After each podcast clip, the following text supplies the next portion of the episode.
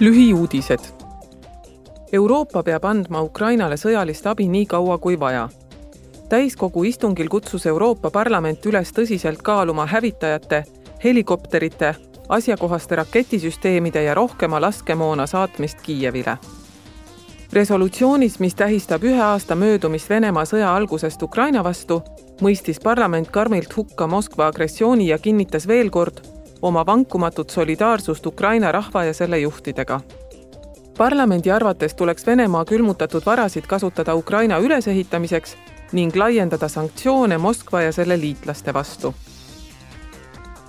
parlamendi väliskomisjoni delegatsioon viibib reedeni visiidil Indoneesia pealinnas Jakartas ning Vietnamis Hanois missiooni peamine eesmärk on aidata kaasa Euroopa Liidu ja Kagu-Aasia maade assotsiatsiooni strateegilise partnerluse edendamisele, eelkõige parlamentidevahelisele koostööle.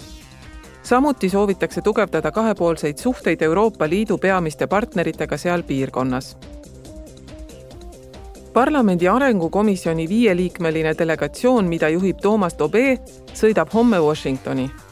visiidi eesmärk on teha koostööd USA-ga samuti Rahvusvahelise Valuutafondi, Maailmapanga, kodanikuühiskonna organisatsioonide ja mõttekodadega seoses kriisidega Sahara taguses Aafrikas ja arengumaades mujal maailmas